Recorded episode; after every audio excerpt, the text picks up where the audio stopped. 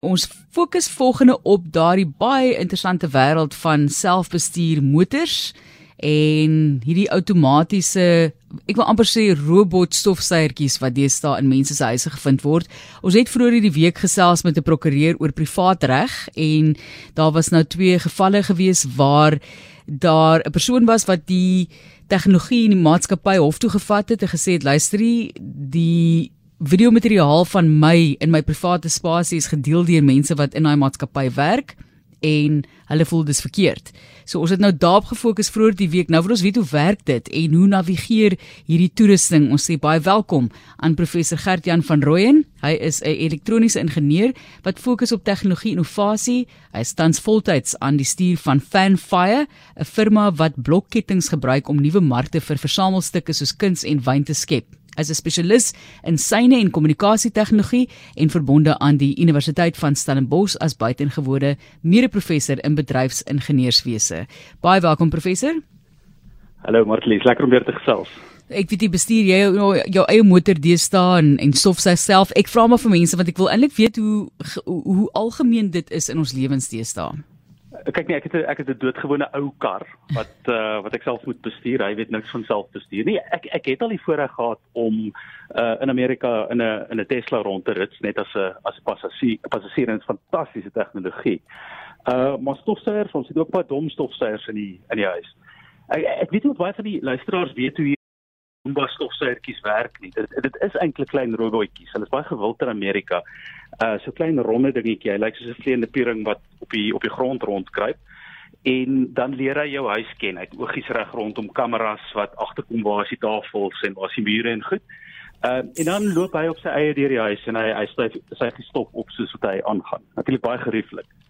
Nou ons wil juist by jou hoor hoe hy navigeer want jy weet mense kry so half die gevoel hier's nou 'n kamera in jou huis wat heeldag vir jou kyk. Ons kan nou 'n bietjie daarna kyk ook, maar ja. waar begin ons as ons kyk na hierdie twee eintlik baie verskillende tegnologieë, maar wat op 'n manier tog sy omgewing moet kan waarneem om te besluit waar hy en, en hoe hy moet draai. Ek bedoel ons het dit klaar eintlik baie van die voertuie wat self parkeer maak tog van sensors gebruik, maar ek soos ek agterkom is daar nou meer kameras wat ingespan word. Dis uh, dis reg ja, die ehm um, die ou uh, my vorige motor het aan die agterkant een van daardie uh sensortjies gehad dat jy kon agterkom as jy nou te naby aan 'n ander kar is as jy agteruit beweeg en dit dit werk met met sonar. So dis 'n klein ehm um, klankgeluidjie wat hy uitstuur soos wat die duikpote ook doen en dan kom hy agter hoe ver hy van van iets is.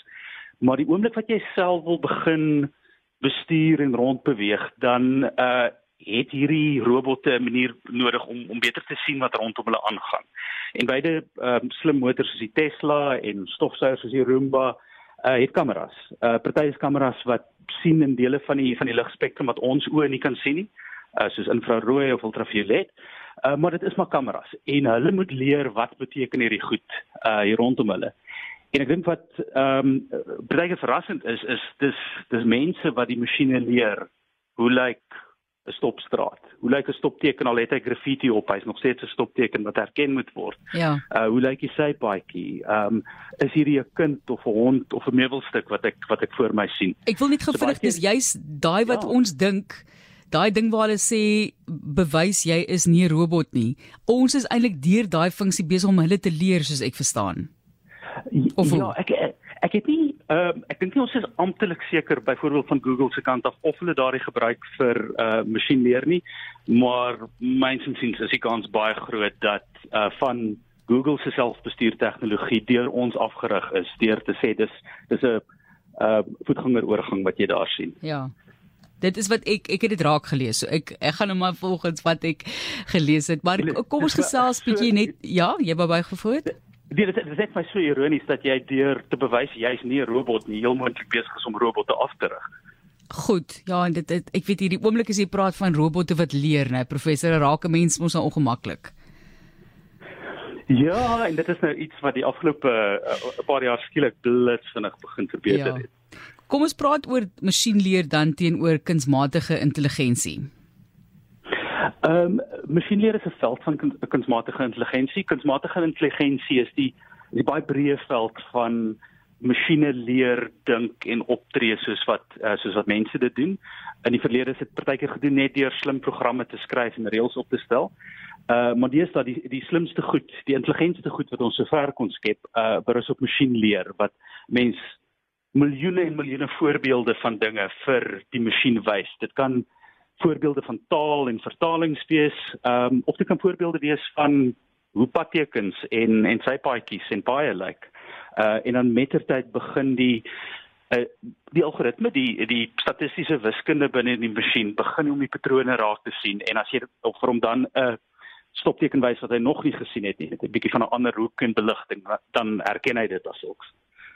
Goed, so daar is ander tegnologieë wat jy ook vir ons kan van vertel wat soortgelyk is. Ek het net maar gedink aan die selfbestuur motor en hierdie stofsuiertjies. Vertel vir ons van 'n paar ander elemente en tegnologie in ons lewe wat dalk dieselfde ding doen of op dieselfde manier funksioneer? Uh, kyk, as ons nou gesels oor risiko's met privaatheid, uh dan dink ek ons moet bewus wees, dis nie net Tesla eienaars of mense met met hierdie onderrobotjies wat hulle self blootstel aan buitepartye wat dalk agterkom waarmee ons besig is nie. Ek het byvoorbeeld ehm um, iewers laas jaar het ek op my vir my huisalarm 'n uh, 'n ding geïnstalleer wat ek kon insit en skielik het ek 'n toep waarop ek my huis huisalarm mee kan aansit, kan afsit, sien watter sones op die oomblik beweging in het. Wat heerlik en gerieflik is, maar die vraag my agterkop is wie anders het nou toegang tot daardie data wanneer is uh dis 'n huisalarm wat nou aan die internet verbind is. En miskien is die firma wat dit aan my verkoop het uh 'n baie betroubaar, maar mens weet nooit of 'n kuberkraker kan uitkom by die inligting en dit aan die uh hoogste aanbod gaan verkoop nie.